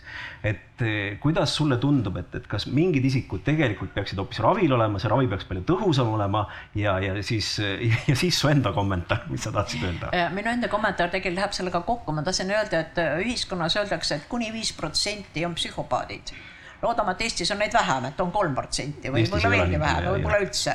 eks ju, no kui ei ole üldse, seda parem, siis võiks vanglad ära kaotada peaaegu, eks ju, siis kes läheb ravile ja kes siis saab mingi avavanglas või mingi töökohustuse või ütleme niimoodi. et, et see on, aga tegelikult on võimalik ikka üsna palju inimest vaadata seda tausta, miks ta on läinud sellele kuritegelikule teele kas tal on terviseküsimused, kas tal on majandusküsimused, kas tal pole vanemaid, kui palju on tegelikult kinnipeetavate hulgas ilma vanemateta või ühe vanemaga või rasketes tingimustes tulnud, neid, neid ikkagi on. eks, et see, need on need omaette põhjused, millega me saaksime tegeleda. Ja see annaks meile kindlasti selle arvu vähendamise, kui me, me õiget rida pidi läheks. Teine asi on see, et, et isikuga tegelemine, ma toon teile ühe näite, et ma tegelen ühe, ühe inimesega, kes on pikalt olnud kinni mingisuguste varguste eest, ta on juba nüüd juba peaaegu keskeas äh, meesterahvas ja, ja siis ühel noh, kuna, kuna ma tegelen nende äh, kriminaalhooldajate mm, juurde suunatud inimestega, olen nõus nendega tegelema mõnikord, äh, siis küsisin ükskord, aga kas sa oled mõelnud, et kui sa kelleltki midagi varastasid, mida see inimene mõtles nii, ja, ja siis, kui ta järgmine kord tuli mulle siis vastuvõtule, siis ma küsisin, et noh, et kuidas vahepeal on läinud, et, et mida sa oled mõelnud oma elu üle. sest see oli mulle nii ootamatu küsimus, ma pole elu sees mõelnud, kuidas see teine inimene ennast tunneb, kellelt ma varastasin. Vot see on, see on, see on selline, saate aru, isiku küsimus, isiku tasandil, kui me tegeleksime rohkem selle noh, nagu põhjuste uurimisega, olgu siis meditsiinilise poole pealt või olgu see siis ka psühholoogilise poole pealt, see siiski annaks mingeid võimalusi et, et me ei pea seda arvu suurendama ja ma, mina isiklikult olen selle kohutavate pikkade aastate vastu väga tõsiselt. sest et kas inimene istub kaks aastat või kakskümmend aastat, siin on väga suur vahe. kui ta kakskümmend aastat mitte midagi ei tee, putru ka ei oska keeta, kuidas ta hakkab elama, kuhu ta läheb? Ja olen kohtunud ka nende inimestega, kes ütlevad, et püüavad kevadel välja saada ja siis varastavad poest kasvõi ükskõik mis, kasvõi toitu, et sügisel uuesti sisse saada, sest neil pole kuhugi minna. Neil ei ole enam lähedasi, nendel ei ole turva, turva seda äh, võrgustikku ümberringi, neil ei ole töökohta, neil pole oskusi kõik see kaob ära, eks ju, siin on noh, lihtsalt ma räägin, et neid äh, võimalusi. Ja kui ma nüüd mõtlesin, et, et äh, vangivalvurid võivad minna kurjaks, ma ei mõtle üldse konkreetselt nimi, me räägime sellest ühiskondlikust sellisest suhtumisest ja uuringutest ja taustast, eks ju, üldse ma ei taha kedagi kritiseerida, ma räägin ainult võimaluste poole pealt, nii et ma toetan väga neid eelmisi jutte. Paavo. Sul, mul läks juba peaaegu meelest ära, mis see oli, aga noh, üldiselt, et ärge pange enam inimesi kinni, pange vanglad kinni. see jutt, et meil ei ole nagu seda võimalik teha või et me ei näe seda perspektiivi, teate, millest see räägib? fantaasia puudumisest, see räägib loovuse puudumisest. see tähendab laiskust, soovimatust õppida, ümber õppida, soovimatust mõelda lahendustele ja tardu, tardumist rutiini rutiinis on lihtne käia, jah. kuus ülesse ja üheksa voodisse ja vahepeal sööd ja situd ja kõik läheb nagu korralikult. aga tegelikkuses tuleks nagu mõelda, et kui meie eesmärk on see, et inimesed oleksid tervemad, et inimesed oleksid sõbralikumad, et inimesed oleksid inimlikumad ja ühiskond oleks ka inimlike inimeste ühiskond, et sellisel juhtumil me peame aru saama, muutuse toob esile rõhuasetuse toomine betoonilt inimsuhetele. ja kui inimsuhete intensiivsus ja arv kasvab kin-, ka kinnipidamises olemisel, siis on palju realistlikum uskuda, et sellest inimesest, kelle ümber on suhete võrgustik juba asutuses, saab tulevikus normaalne inimsuhete looja ja hoidja ja kasvataja. Aga kokkuvõttes jah, nagu et praegune vanglasüsteem on niikuinii oma aja ära elanud ja tegelikult oli see mõte, nagu ka Jaanus ütles, juba surnult sündinud, et kui me paneme inimesi pikaks ajaks kasti elama või boksi või, või kirstu, et siis sealt väljudes on siis taassünd nagu väga rõõmsameelne ja et nad saavad hästi hakkama, siis see on eksitus. inimeste ladustamine nendes betoonboksides, millest ma olen kuulnud väga noh, ülivõrdes kõnesid, et see on nagu viimane sõna karistuspoliitikas ja need on väga uued vanglad ja kus on maru ilus olla, nagu sa ütlesid ja no anna andeks, ilusat vanglat ei ole olemas, seda esiteks. teiseks, see, see kambrisüsteemi väljamõtlemine jääb ülemöödunud sajandisse, mis seal uut on? Ja kolmandaks no,, kui me rääkisime, et Tartu vangla on uus ja järgmise vangla ehitamisel läksime veel enam kruttima mutreid kinni ja tegime nagu inimsuhete võimaluse nii koolis väljaõppe tasandil, ma mõtlen Sisekaitseakadeemias, võimatumaks, sest reeglid olid teised, mida õpetati. ära suhtle, ära räägi sina, ära räägi oma isiklikest asjadest mingil juhul ja nii edasi, millel on ainult turvapõhimõtted. aga see, mis sotsialiseeriks ehk prosotsiaalsed suhted, räägime pigem sellest, et ma käisin eile petangi mängimas ja tead, mõned naised olid ka, täitsa tore oli, üks mängis minust igast paremini. ma arvan, et selline teadmine on vangis oleval inimesele, kes on eelnevalt düsfunktsionaalsest perekonnast, vaestest oludest, kehva haridusega, veel kehvema tervisega, puudulike sotsiaalsete oskustega, töökogemuseta, palju rohkem väärt kui see, et seis, käed seinale, ära liiguta jalad harki. no vabandust, katsu mulle nii öelda. ma ma, ma Aavo muidugi tean sinu idealismi, me kunagi olime ühel konverentsil Aavoga koos ähm, Saksamaal ja, ja sellel näidati ühte dokumentaalfilmi, mida ma, noh, ta ei ole tegelikult dokumentaal päris, ta on nii-öelda lavastatud dokumentaalfilm, päris tõesti sündinud äh, loo põhjal ja, ja päris elavast inimesest, vist ta praegugi elab veel. Bronson oli selle filmi nimi, soovitan vaadata, kui teil õnnestub leida. Bronson on üks äh, Suurbritannia või Inglismaa kurikuulsamaid kurjategijaid. ta on suurem osa enda teadlikust elust veetnud vanglas ja suurem osa sellest üksikvangistuses, sellepärast et ta on täiesti põhjendamatult vägivaldne. et lihtsalt läheb inimestele kallale, aga vanglas ei saanud teda kestagi kokku panna, et läks inimestele kallale ja Bronson on tema nii-öelda kunstniku nimi, ta ütleb, et tema kunst on vägivald, et annab inimestele peksa ja see on kunstiteos. tal vahepeal muidugi oli natukene helgem periood, ta kasvatas endale niisugused suured vuntsid ja nimetas ennast Daliks, Charles Daliks, siis ta maalis, aga see vist nii hästi välja ei tulnud, pandi uuesti vangi tagasi ja siis me tulime sealt kinost välja Aavoga ja ma küsisin Aavo käest, et, et noh, et aga mis sa sellisega teed, et, et vot ongi selline inimene. ja Aavo ütles, et küsimus pole temas, vaid küsimus on meis ja mulle see vastus selles mõttes küll väga meeldis, et, et tõesti, see on alati, mida me ühiskonnas teeme just ka nii-öelda ühiskonna äärealadel, et noh, me tahaks ju teha ühiskonna rookida nii-öelda puhtaks. et me natukene oleme selline vanatestamentlik ühiskond, et me tahame lükata mingisuguse hulga inimesi noh, nii-öelda kõrvale, leerist välja nagu vanas testamendis, viska kividega surnuks, kui ei meeldi, viskad kividega surnuks, no mitte päriselt ei meeldi, aga olid seal teatud põhjused aga seda saab lubada, noh, mina olen hariduselt antropoloog, et antropoloogilisest perspektiivist, et teisi ühiskondi on veel selliseid olemas, aga seda saab lubada kõrge reproduktiivsusvõimekusega ühiskond, kus taastootmine on väga suur, ehk siis palju inimesi tuleb peale. Eesti ühiskond ei ole selline, et tegelikult me ei saa endale lubada sellist luksust, et me mingisuguse ühiskonnagrupi kustutame nii-öelda ära. ja see ei ole ainult nii, et see ei ole ainult kurjategijatega nii, et, et ükskõik noh, mingisuguseid gruppe mõtleme, et vot need võiks ära minna, et keegi võiksid Rootsi minna ja noh, teised, ma ei tea, Venemaale ja, ja nii edasi et, et mulle tundub, et jah, see küsimus on meis. selles mõttes ma olen sinuga nõus. ma annan jälle auditooriumisse sõna. Daniela Imman oli sinu sõber või? okay. E-, eelmine ka ei olnud, või noh, nüüd on okay.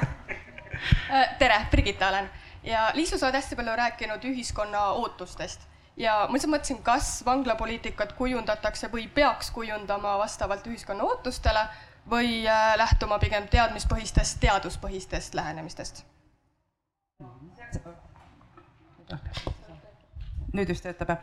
Äh, noh, seal, seal on mitu asja, et äh, üks osa on see ootustest, mis me rääkisime, on see, et noh, mida vangla igapäevatöös teeb, eks ju. et seal loomulikult noh, peame me lähtuma teaduspõhisusest ja me seda täna teemegi, et sellega ma olen täiesti nõus aga, aga see osa, et noh, kes satub vanglasse ja, ja kui pikad on karistusajad või, või eh, noh, kas vangla on siis näiteks avavangla või ta on kinnine vangla, et see sõltub küll jah, ühiskondlikest ootustest, sellepärast et seda reguleerivad tegelikult õigusaktid. et noh, vangla ei saa seal tegelikult nii väga laveerida, kui tegelikult tundub, eks ju, et noh, me oleme ju praegu palju rääkinud sellest avavanglast et seal ongi eh, noh, vangla lähtub ju mingitest reeglitest, millised isikud avavanglasse pannakse. vangla ei otsusta seda ise tegelikult, noh, okei okay,, otsustab jah, seda ta otsustab ise, aga, aga ta lähtub selle otsuse tegemisel kindlatest reeglitest. aga noh, me ju mäletame hiljutisi juhtumeid, kus tegelikult noh, reeglite järgi avavanglasse läinud isik noh, ühiskonnale ei meeldinud, eks ju, et noh, mitte, mitte see ei tähenda seda, et vangla peaks oma otsust seetõttu muutma hakkama, aga ma ütlengi, et seda reguleerib tege- või noh, kuidagi nagu kujundab ühiskondlik arvamus võib-olla liiga palju mõnes asjas tõesti, aga, aga siiski just eriti karistusaegast, aegade pikkuses, siis noh, demokraatlik riik niiviisi toimib, et keegi ise oma peas või lähtuvalt äh, teadusuuringutest ei otsusta neid karistuse pikkusi, vaid need pannakse paika seadusega, noh, mida otsustab siis Riigikogu, mida valib ühiskond. see, et me inimesi harime, millest me tegelikult ka alustasime, et me teadvustame ja me räägime sellest rohkem, et pikk karistus, nagu siin näide toodi, et kakskümmend aastat tegelikult kedagi ei ravi. et siis sellest me loomulikult peame rääkima ja sellest võiks seda debatti võiks ja noh, ma loodan, et mingil määral ka veab justiitsministeerium, et me selgitamegi, et noh, iga, iga väga pikk karistus ei aita aga ka hiljutisi karistuspoliitilisi muudatusi on tegelikult juhtinud poliitilised seisukohad, aga need on ka näiteks positiivseid muudatusi olnud, et noh, meil on tegelikult ju vangide arv kogu aeg väheneb ja, ja ka näiteks äh, uute sisenejate arv ehk, ehk et neid uusi inimesi, kes tulevad vanglasse, nende arv kogu aeg väheneb. et äh, suurem osa vangidest moodustavad need, kes on juba mitmendat korda olnud. noh, et, et, et neid uusi, see protsent on minu teada vähenenud vist äh, kümne aastaga kümme protsenti on uute vanglasse saabujate arv, et noh, see on tegelikult suhteliselt positiivne ja sihuke stabiilne muutus kogu aeg aga. tahaksin siia vahele öelda, et tahaksin siia vahele öelda, et see, et meil on vanglates korduv karistatud isikud ülekaalus, see tähendab, iseloomustab minu poolt väidetud väga hästi. vangla toodab praaki, selline institutsioon ei õigusta ennast. ta ei täida oma eesmärke. mida me maksame selle eest? me maksame seitsekümmend miljonit Must... iga aasta, sellest, selle raha eest saab kolmsada viiskümmend inimest endale tööd ainult sellest kahest tuhande ühesajast. ainult sada viiskümmend käib koolis. mispärast ülejäänud tuhat viissada maksumaksja raha eest magavad, kurjemaks muutuvad? ma ei saa sellest aru. kindlasti on võimalik panna need kaks monstrumit kolmest kinni ja selle asemel minna, nagu siin öeldi, avavanglate ja poolede majade süsteemile. täiesti reaalne ja eelarve ei kasva sellest muuseas, see korduvkuritegevusega on üks huvitav asi, mis minu arvates äh, illustreerib selliseid ühiskondlikke müüte, et, et no ma kahtlustan seda, et sa küsisid seda, et, et kas karistuspoliitika peaks lähtuma ainult ühiskondlikest ootustest või ka tead, teadmistest. et mulle tundub, et üks aspekt on ka sellised ühiskondlikud müüdid ja üks neist on karistamatuse tunde müüt. ja, ja, ja me päris palju räägime sellest, et inimesed justkui sooritavad mingeid tegusid karistamatuse tundest. no selle vastand peaks olema karistatuse tunne, ehk siis isik, kes on saanud karistada tema peaks olema kõige turvalisem. ehk siis see, kes vanglast välja tuleb, temal on ju kindel see tunne olemas, et saab karistada, tema peaks olema järelikult kõige turvalisem. kui teil on näiteks lasteaed, et on vaja õpetajat, võtke vanglast vabanenud pedofiil tööle, et temal karistatud, karistamatuse tunnet ei saa olla aga need, kes ei ole vangis olnud, neid võib olla karistamatuse tunne. ehk siis see on sügavalt nii-öelda müütiline uskumus, et, et inimesed jätavad mõned teod tegemata karistamatuse tundest. et need, kes on karistatud, neil ju peaks see tunne olemas olema, aga tegelikult tuleb välja, et paraku nii ei ole. et eh, ikka see kipub olema seal seitsmekümne, kaheksakümne protsendiligi, et, et need, kes on vanglasse sattunud, need satuvad uuesti aga Immanuel, sa tahtsid öelda? ma jah, lihtsalt tahtsin natuke oponeerida eh, Liisule selles eh, küsimuses, et ehm, et jah, et, et kuidas see otsustamine käib, kes saab avavanglasse ja, ja, ja noh, ja nii edasi. ma tahaksin täpsustada siin seda, et tegelikult on ikkagi Eesti riigis vangla sisuliselt üsna täpselt riik riigis. ka vangistusseadus on eriseadus ja kõik äh, avavanglasse saamine ülikoolis, ma ei tea, kas täna üldse, tänasel päeval, kas mõni vang saab käia ülikoolis oled sa kursis, ei ole? ei tea? siis no täpselt, mille, millest me räägime? Ja see ülikoolis käimine kuulub soodustuse alla. Ja see ja mille põhjal või tähendab, kes siis soodustust otsustab, on vangla direktor, mille alusel, kaalutlusõiguse alusel. Ja sisuliselt kõik ma oma praktikast või praktikast, oma elust võin öelda, et kõik seal vanglas, no mitte kõik, ma liialdan veidi, aga suur osa sellest, mida me praegu räägime, tänane teema on tegelikult subjektiivne otsus, vangla direktsioon, administratsiooni otsus, nema kaalutlusõigus, ehk siis mina arvan, et sina sobid ja sina ei sobi ja et need ette antud äh, äh, noh, seadused või need sätted, mis sa mainisid, et mille alusel äh, paigutatakse. siin on ka probleem selles, et et on mingisugune müütiline riski hindamine, mingisugune arvutus tehakse. see raamat, mille põhjal seda tehakse, ma ei tea, on ta endiselt salastatud jah, isegi kohtunikule, ma tean case'i, kus kohtunikule keelduti näitamast, mille alusel hinnatakse vangi riski, riskitaset ja selle, iga vang saab, saab Eestis öö, selle, kuidas seda nimetatakse siis, no riskitaseme ja, ja vastavalt sellele toimub see karistuse kandmine, kust, kas ta saab äh, neid soodustusi nii-öelda, miks ei võiks see ülikool olla, miks ta peab olema soodustuste all, et sa pead. kohustuslik. ja see, ei no täpselt, kes on võim-, mul oli klient, ma tugiisik olin inimesele, kes äh, vanglas võttis ennast kokku nii, et ta tegi ühe aastaga üheteistkümnenda, kaheteistkümnenda klassi ära ja peaaegu maksimaalsetele tulemustele. Vene keelt kõne, emakeelena vene keelt kõnelev, viite võõrkeelt valdav inimene korduvalt vangis istunud loomulikult ja, aga, aga, aga, aga noh, aga see oli nüüd see hetk, kus ta võttis ennast kokku, siis sai ta sisse äh,, tähendab, sai edasi BFM-i, kuhu vangla keelas tal, ei lasknud ühel äh, ja ühtäkki ta oli juba poolteist aastat istunud äh,. kuidas need riskitasemed on? noh, normaalsel tasemel ja siis pooleteist aasta pärast mitte ühtegi rikkumist ei ole olnud inimesel. Ta on lõpetanud ühe aastaga maksimaalsete tulemustega kaks klassi, saanud eh, sisse ülikooli.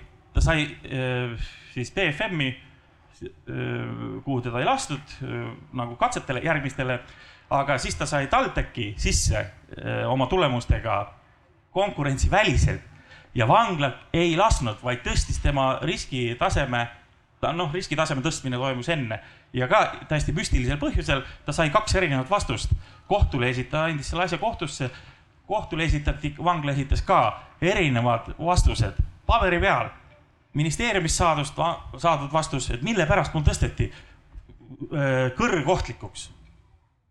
kui ma, kui mul pole ühtegi rikkumist olnud, ma olen näidanud noh, positiivsest küljest ennast ja nüüd tõstetakse äkki kõrgehtlikuks ja ta ei saanudki ülikooli, no ma isegi armu andmise, selleni jõudsin, ma presidendile kirjutasin ka kaaskirja, ei antud armu, lõpuks ta lasti äh, poole ajaga välja või noh, ennetähtaegselt lasti välja äh,. aga mina palusin, mina palusin ka, et ta, tähendab, tema enda soov oli see, et saaks avavanglasse, et ta saaks minna ülikooli, kuhu ta oli sisse saanud juba. ülikool isegi oli nõus talle andma akadeemilisi, et ta saaks oma asjad jutti, et ta saaks võib-olla välja, et äh, noh, et saab selle kõrgohtlikkuse maha. see, mis oleks parem? mina just soovisin seda, ma kirjutasin ka presidendile, et, et äh, kui mitte ka välja, siis andke talle see avavangla võimalus, siis, siis on vähemalt sada protsenti kindel, et ta käib seal ülikoolis kohal. hea küll, siis me maksame asja eest vähemalt, et me tema üleval, ülalpidamine. aga välja saades keegi ei garanteeri, et ta, et tal, et ta saab sinna. kas, kas sa tead, mis tast täna saanud on? ei tea, see oli juba aastaid tagasi, aga juhtuski nii, et, et äh, ülikooli ta esialgu ei saanud minna, sellepärast et äh, perel olid tekkinud äh, majanduslikud raskused ja ema oli seal, emal oli, olid laenudega mingid noh, ühesõnaga mingid probleemid ja selle riski hindamisega on selline huvitav juriidiline paradoks, et kahe tuhande üheteistkümnendal aastal Riigikohus lükkas tagasi meil nõndanimetatud julgestusvangistuse, et oli siis kavas või, või plaanis või, või kavandati, oli juba vist Riigikogus lugemised läbinud plaan, et, et inimesi on võimalik kinni pidada ka vangistuse järgselt, et kui inimesele määratakse näiteks noh, ma ei tea, kuus aastat, aga leitakse, et on ohtlik, et siis on võimalik hinnata tema ohtlikkust ja on võimalik teda kinni pidada.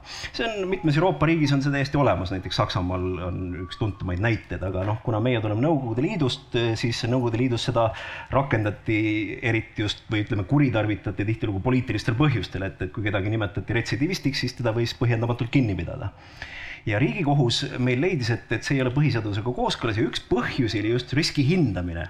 et, et kes on see, kes on pädev ohtlikkust hindama ja ometi me tegelikult seda teeme. enne tähtaegse vabanemise puhul me tegelikult teeme seda tegelikult äh, äh, nüüd on kuulda, need kaks asja tegelikult ei ole omavahel äh, seotud selles mõttes, et see karistusjärgse kinnipidamise riski hindamine, noh näiteks Saksa õigusriikides ta tegelikult põhinebki psühhiaatrilisel hindamisel ka suures osas, eks ju, et noh, mida Eestis no, mida ei tehta. ja, ja, ja ka see riski hindamine, millest sina rääkisid, tegelikult selle eesmärk ei ole selline põhjalik psühhiaatriline hindamine. tegemist on teaduspõhise meetodiga, noh muidu oleks see hindamine veelgi subjektiivsem selles mõttes, et kui igasugune lubamine sõltub sellest, kuidas mingil hetkel keegi tunneb, selles mõttes, et noh, et ilmselt et sa ei pidanud silmas olukorda, kus lõpuni iga kinnipeetav hakkab täpselt ise otsustama, mis tema siis teha tahab ja, ja, ja kuhu tema minna tahab, noh, mida arvestatakse ka täna loomulikult, eks ju. ja et ma mõtlengi, et, et kui me räägime ikkagi sellest riskide hindamisest, siis see on töömeetod, mis tegelikult põhineb teadusel, mis ütlebki seda, et eh, noh, teatavate riskidega inimesed suurema tõenäosusega sooritavad kuriteo uuesti. see tegelikult kehtibki üldiselt ja teaduspõhiselt, noh, mida võib siis taandada sellele konkreetsele inimesele, kes neile tingimustele vastab. et, et teine alternatiiv on siis eh, noh, mis, mis need lahendused siis on, et kui me võtame riskihindamise ära, et siis me, kas me kirjutame õigusaktidesse väga täpselt äh, kirja selle, mida keegi tohib. Või me siis äh, teeme näiteks seda, et äh, väga äh, sub-, noh, ma, ei taha öelda, et ametnikud hindavad subjektiivselt, aga, aga see põhineb siis iga ametniku ainuhindamisel, mille sa tõid välja, on ka nagu halb variant, eks ju, et noh, nagu mingid otsused teeb vangla. et noh, millised need head lahendused siis on, et ega neid väga nagu ei olegi, vähemalt selles õiguspiiris või õigusraamistikus või, või noh, ütleme siis sihukestes baasõiguspõhimõtetes tegelikult ei ole ma, ma ma tahtsin lihtsalt Hästi öelda lühidalt. seda hästi lühidalt, et kui me räägime teaduspõhisusest, siis äh, hariduse ole, olulisust ei saa ilmselt keegi maha vaikida ja kui meil on siin jutud, et äkki kaks aastat tagasi üks kinnipeetav käis ülikoolis, siis millest me räägime, kas see on nagu, mis asi see on, et kui see on privileeg, on ju. ta lihtsalt ei võimaldata. et, et ta lihtsalt ei saa minna ülikooli, sest et äh, see ei ole ette nähtud või mida iganes, et, et kui seal on see üks inimene, kellel on see soov ja võimekus olemas ja me seda takistame mingisuguse täiesti anonüümse raamatukese, mis on kuskil kellegi laua all või sahtlis ja muutub pidevalt, ega keegi ei tea, kuidas ja millal, selle alusel, siis me ei saa usaldada sellist süsteemi. ei no ja selline ei ole ju võimalik, sellist valemit ei ole, et kõik need vangid, kes vastavad sellele, nendel tõstame nüüd, kõik, kõik on kõrgohtlikud ja vastavad sellele, nüüd teie kõik ei saa avavanglasse. no andke andeks, aga see on ebaõiglane. Teil on täna kahtlemata kõrgohtlikud vangid saavad avavanglasse. muutunud Nüüd on no selles mõttes õigusaktid muutuvad jah, nagu määruse tasandil nagu, nagu pidevalt ka. teadus. kahtlemata me võiksime sellest teemast äh, et õpime rääkida kahtlemata me võiksime sellest teemast rääkida päikseloojanguni ja mina hea meelega seda teeksin, sest mul on kohutavalt palav siin istuda, nii et ma teeks lõpu nüüd. et eh, teeme viimase ringi ja minu viimane ringi küsimus on, et mis te näete, mis teie arvates on selline ideaalne situatsioon, et, et mis oleks see, mis noh, me ei peagi isegi võtma vanglat keskmeks, aga ütleme, et ühiskonnana me peaksime tegema nende inimestega, kes on siis seadusega pahuksisse läinud ja, ja, ja noh, seadusega pahuksisse minek ei ole ainult juriidiline küsimus, vaid see, et, et nad on tõesti midagi eh, teiste inimeste kodanikele ohtlikku teinud või, või korda saatnud või on potentsiaalselt ohtlikud. et mis on see ideaalsituatsioon, mis me võiksime saavutada? Ülle, hakkame sinust peale teeme niisugune minut, minut. kui ma, kui ma selle nüüd oskaksin ära öelda, siis ma kindlasti saaksin ka Nobeli preemia. Et see on äh, väga igas isikus kinni, aga põhimõtteliselt on ikkagi see, et tuleb inimeste rohkem nendega rääkida, nende potentsiaali leida, nende põhjused üles otsida, mitte otsida üles kõik need vead, mis ta on teinud, vaid just need küljed, mille kaudu ta võiks nendest üle saada ja toetust. et mina räägin puhtalt oma eriala järgi ja tõesti, ma olen näinud, ma olen töötanud seitseteist aastat äh, erinevate inimestega ja see töötab igaühe puhul kindlasti mitte, aga see töötab ja tuleks lihtsalt seda noh, suurendada. Ja teine asi, mis, mis on äh, praegu selle süsteemi juures, tuleb anda rohkem tegevust, õppimist, tööd, võimalust teenida, lahendada oma võlad, leida võlanõustajaid, võib-olla mõned õlad kustutada, anda inimesele võimalus, kui ta välja tuleb, et tal on vähemalt midagigi taskus või mingisugune lootus, sest praegune pilt on ikka väga kurb mina ütlen, et, et rääkimine on, on tõesti tähtis. aga ma mõtlen kaasatuse peale, ma mõtlen, mõtlen selle peale, et me räägime siin taasühiskonnastamisest, aga mõnikord ma olen öelnud, et see noh, nende puhul nagu ei saa rääkida taasühiskonnastamisest, see ei ole see ühikond, ühiskond, kuhu nad on kunagi kuulunud. Nad ei tunneta, et nad on osa sellest kogukonnast meie ei tunneta, et nad on osa sellest kogukonnast ja sellepärast need asjad juhtuvadki. ja kuni meie ei võta siinkohal siis tugevama poolena seda vastutust, et me kaasame neid kõigi oma vahenditega sellesse kogukonda, ühiskonda, kuidas iganes me tahame nimetada, siis ei saa panna neile seda vastutust, et nad muutuks ja teeks neid lisasamme, see ei ole võimalik, see on lihtsalt naiivne, see on rumal ja noh, meie ju saame käia ülikoolis, eks ole, et noh, teeme siis seda ma ei, ma ei tea, äkki oleks aus, kui ma jään viimaseks või kuulame inimeste arvamuse enne ära. No.. jah, ega, ega, ega minulgi see Nobeli saamine siin käeulatuses ei ole, kaugel ei ole jah. ei no ma võib-olla ütleks hoopis midagi täiesti utoopilist, millele ma olen palju aastaid mõelnud. aga tegelikult see on ka ühiskondlik küsimus iseenesest, mina arvan, et see oleks võimalik. Miks ei eksisteeri karistusõiguses või, või, või, või seadustikus andeks andmist lihtsalt? on, no see kõlab võib-olla noh, idealistlikult või jaburalt või, või, või teostamatult või, või mis iganes, aga ja või mõni võib öelda, et meil on olemas palun väga oportuniteet paragrahv, aga see on ikkagi menetlus ja, ja aga, aga lihtsalt andeks andmist, kus no ja lepitusmenetlus on meil olemas sellised, aga lihtsalt, lihtsalt andeks andmist. noh, kui kannatajaks on midagi abstraktset nagu riik või, või või noh, teinekord ei ole ju kannatajat. alati ei ole kannatajat, isikut. väga palju on selliseid kuritegusid. miks see, no ma ei tea, anda, ma ei tea, rahva, no ma ei, okei okay,, ma lihtsalt ütlesin selle ära, ma rahvahääletusele ei taha iga süüdistatavalt küll panna sellist, sellist koormat rahvale. aga, aga lihtsalt noh, selline utoopiline mõte, aga, aga see on mul peast läbi käinud ja ma olen väga palju selle mõelnud, sellepärast et mina annaksin küll noh, ma räägin, okei okay,, siis ma ütlen, et oleks asi õiglane minu vastu eksinutele. ma annaksin andeks siis saab ka ise. Muidugi siin kõik inimesed on ju erinevad ja kõiki tuleb erinevalt kohelda. Ja võib-olla ma olen ka natuke sinisilmne, aga minu meelest äh, me peaksime rohkem neid julgustama, neid õpetama, kuidas on õige elada ja olema neile toeks, mitte iga päev ütlema neile, et aga miks sa seda siis tegid. no me kõik oleme ju käinud kuskil aias tõunu pätsamas, noh, et aga miks sa seda siis tegid?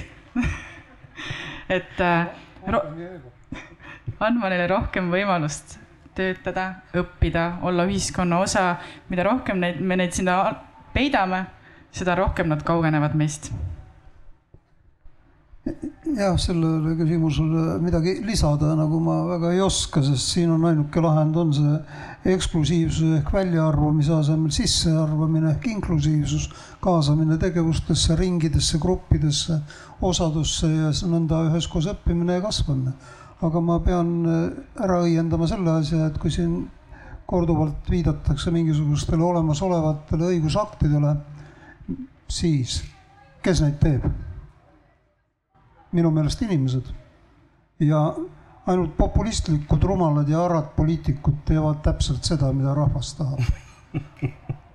on ka neid inimesi, kes lähevad rahva ees, kolm sammu eespool. ja kui nad julgevad seda teha siis võivad nad selle süsteemi ka ära muuta. ja inimese degenereerimise asemel alustama inimese inimlikustamisega. väga lihtne selles ma saan kõigi eelkõnelejatega ainult nõustuda, et eh, loomulikult selles mõttes süsteemil on noh, ta peabki arenema, eks ju, kogu aeg me peame jõudma ja me tõesti tahame jõuda selleni, et, et retsidiivsus pidevalt väheneks või, või, või sujuvalt väheneks siis aga, aga võib-olla nagu niisuguse praktilisema lahendusena, see on tegelikult mõnikord juba läbi käinud, aga me otse viidanud ei ole, olekski see, et me noh, see vangla hüüab tulles, eks ju, et tegeleme nende probleemidega enne, kui see inimene jõuab vanglasse. et äh, siin on palju räägitud neist sotsiaalsetest probleemidest äh,, noh, võlgadest noh, võlgade pärast Eestis küll keegi vanglas ei istu, et sinna peab kaasnema mingisugune tegu, millega siis neid võib-olla võlgu sooviti vähendada aga, aga või, või on seal sõltuvused või on seal mingid vaimse tervise probleemid, et, et noh, tegelikult oleks isegi, isegi praeguses raamistikus väga ideaalne, kui me suudame nagu kogukonna eh, ja, ja noh, kõigi koostöös siis tegeleda nende probleemidega enne, kui inimene vanglasse üldse jõuabki. Hästi, mina tänan siin, siin istujaid ja ka siinpool istujaid, suur tänu teile osalemast, tulemast, kaasa rääkimast. ja mina enda poolt eh, tulen tagasi selle Murphy seaduse juurde ja ütlen, et kuritegevuse vastand on heategevus, nii et kui me tahame kuritegevust ennetada, siis tehkem head, kallistage enda naabrit ja ennekõike nautige vabadust. aitäh. selge see, et ega kõike teha.